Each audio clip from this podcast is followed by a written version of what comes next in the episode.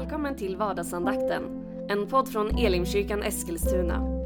Vill du veta mer om vilka vi är, vad vi tror på och hur du kan komma i kontakt med oss?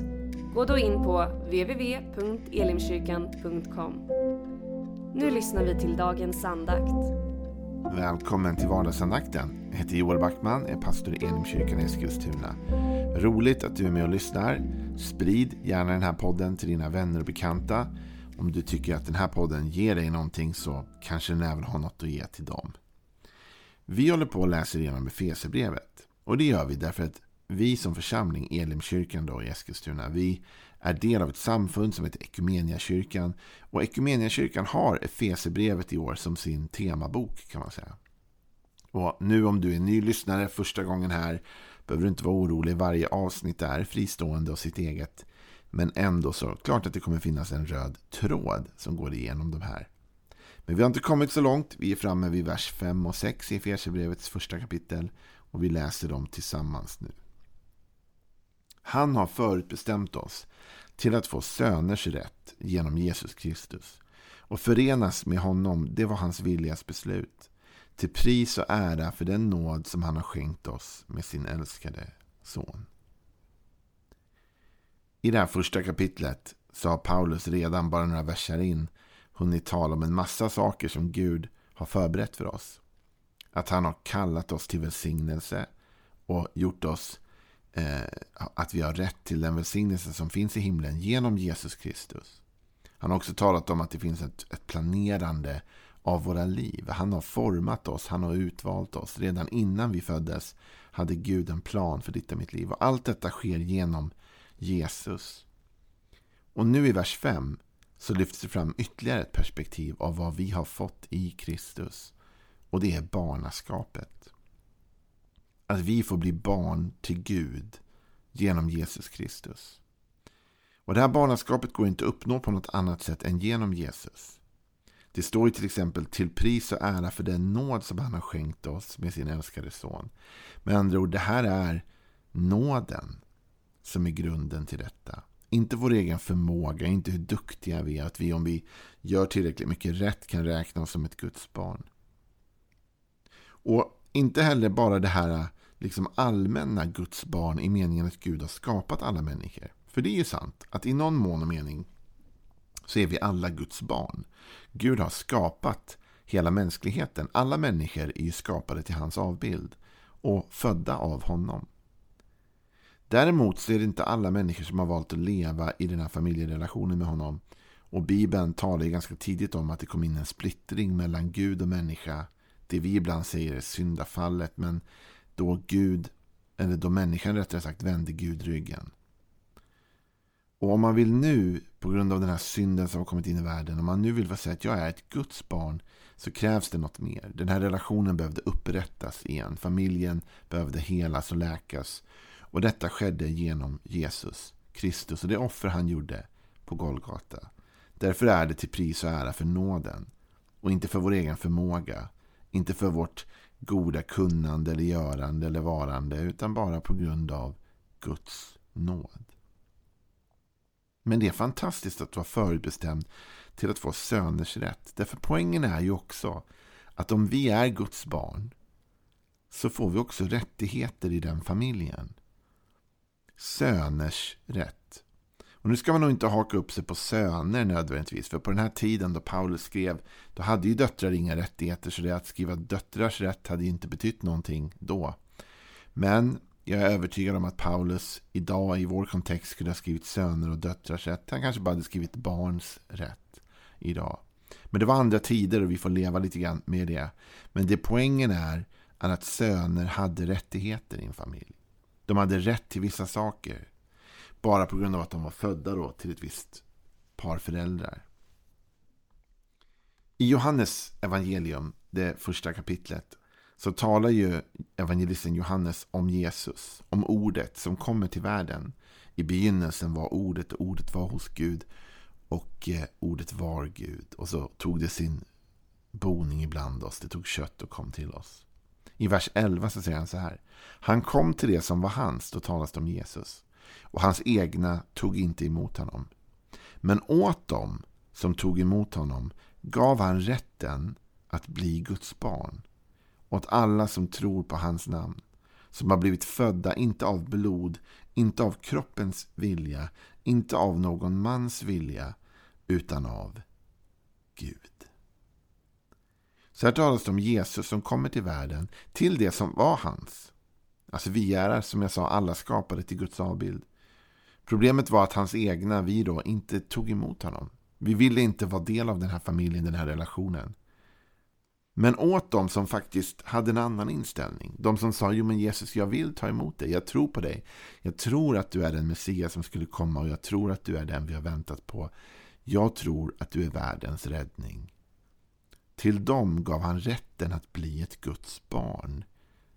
Och vad är kriteriet för detta? Åt alla som tror på hans namn. Här är det ändå ett kriterium. Det är klart att vi skulle vilja att alla människor kunde säga att de var i den djupare meningen sett Guds barn. Och det är faktiskt vårt mål. Att försöka få så många som möjligt att tro på Jesus och komma in i denna familj. Och vet du, det är också Guds vilja. Det står i Bibeln att Gud vill att alla människor ska komma till insikt om sanningen och bli räddade. Så Gud har denna längtan att upprätta sin familj. Och han har haft den från dag ett till nu. Men ändå ligger det ett val hos dig och mig. Vill vi vara en del av den här familjen? Vill vi ha Gud till vår far? Då finns det en väg och vägen går genom Jesus. Det är hans namn och tron på hans namn som ger oss rätten till detta barnaskap. Jesus har betalt ett oerhört högt pris för att återupprätta relationen mellan Gud och människa. Han gav sitt eget liv, sitt eget blod för att du och jag skulle få möjlighet att leva i en upprättad familjerelation med Gud igen. Och till och med på ett sånt djupt plan och en sån djup nivå att vi får rättigheter i familjen. Du och jag har rätt till vissa saker. Det låter nästan märkligt, nästan konstigt att tänka att skulle jag ha någon rättighet jämfört med Gud, vad kan jag begära av honom? Men om vi är barn så har vi rättigheter. Och du vet, mina barn, de tycks inte tänka sådär. Alltså mina barn, jag har tre barn. Det känns aldrig som att de tänker så här, undrar vad jag har rätt till i det här huset. Utan det känns som att för dem är det självklart att allt som finns här är deras. Och allt pappa har är deras och alla pappas pengar är deras. Ungefär så känns det ibland. Eh, att de tar för sig väldigt rikligt. Va? De går inte runt och frågar pappa, får jag liksom något i det här huset? De, de tar för sig. För de är mina barn och de vet att de tillhör samma familj och vi är en familj. Och så är det med Gud också.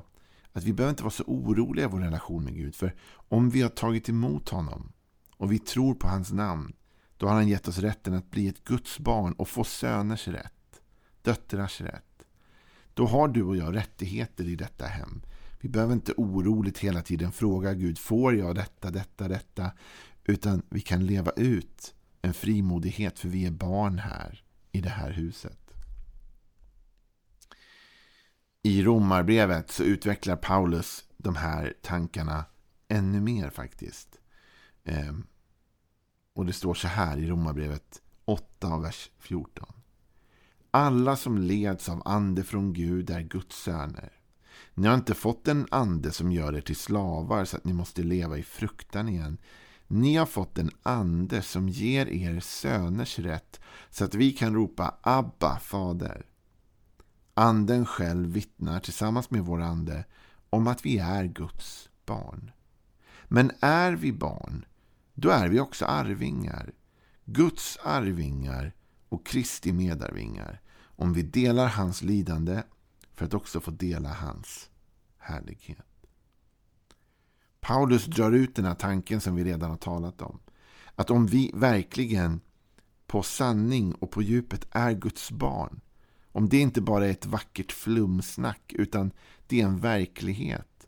Att Jesus har upprättat mig till ett Guds barn. Då säger Paulus, ja men är vi upprättade till Guds barn, då har vi också fått arvingaskap. Alltså vi har blivit arvingar då. Då har vi fått rättigheter. För är vi barn, då är vi också arvingar. Guds arvingar. och Kristi medarvingar. Det här är ju en otroligt stor sanning som är svår att ta in i sitt hjärta. Men att du och jag som lever här på jorden, vi har ju föräldrar. Vi kanske inte vet vilka de är. Det kan ju vara en sån situation där vi har växt upp utan föräldrar, utan våra biologiska föräldrar. Men någonstans finns det ändå föräldrar som har fött fram oss och varit med och delaktiga i den processen. Och om vi nu lever då med föräldrar, och det kan ju till och med vara adoptivföräldrar vi lever med, men vi är adopterade in i en familj eller vi är födda in i en familj. När våra föräldrar en gång dör så är vi arvingar. Vi har rättigheter. Och de där rättigheterna är ganska starka faktiskt. Vi har rätt att ärva våra föräldrar. Det är till och med så att det är väldigt, väldigt svårt, om inte omöjligt nästan, att göra någon helt arvslös. Man har rätt till ett arv. Och om vi är Guds arvingar, då har vi alltså rätt till det som är Guds. Då har vi rätt till det som är hans. Och det här återfinner vi ju i berättelsen om den förlorade sonen. Han som springer ut och gör alla möjliga dumheter som ber att få ut sitt arv och sticker iväg. När han kommer tillbaka så har han ju en brorsa som är hemma och som blir lite irriterad över att helt plötsligt har farsan glömt all idioti och bara tar emot sonen och upprättar honom med en fest och offrar gödkalven och allt vad han gör. Och då säger pappan till sonen Allt mitt är ditt. För sonen klagar och säger jag har aldrig bett om ens en, en kalv eller vad som helst. Han får gödkalven. Men allt mitt i ditt. Du kunde ha frågat om det liksom. Och i den relationen är vi med Gud ibland. Och jag tror att en av djävulens, mörkrets lögner för dig och mig är att få oss att tro att vi inte har rätt till något. Är att få oss att tro att vi inte kan be Gud om saker. Men det där är bara trams. För du och jag, vi har barns rätt. Söners och döttrars rätt. Vi kan komma till vår far i himlen på grund av Jesus.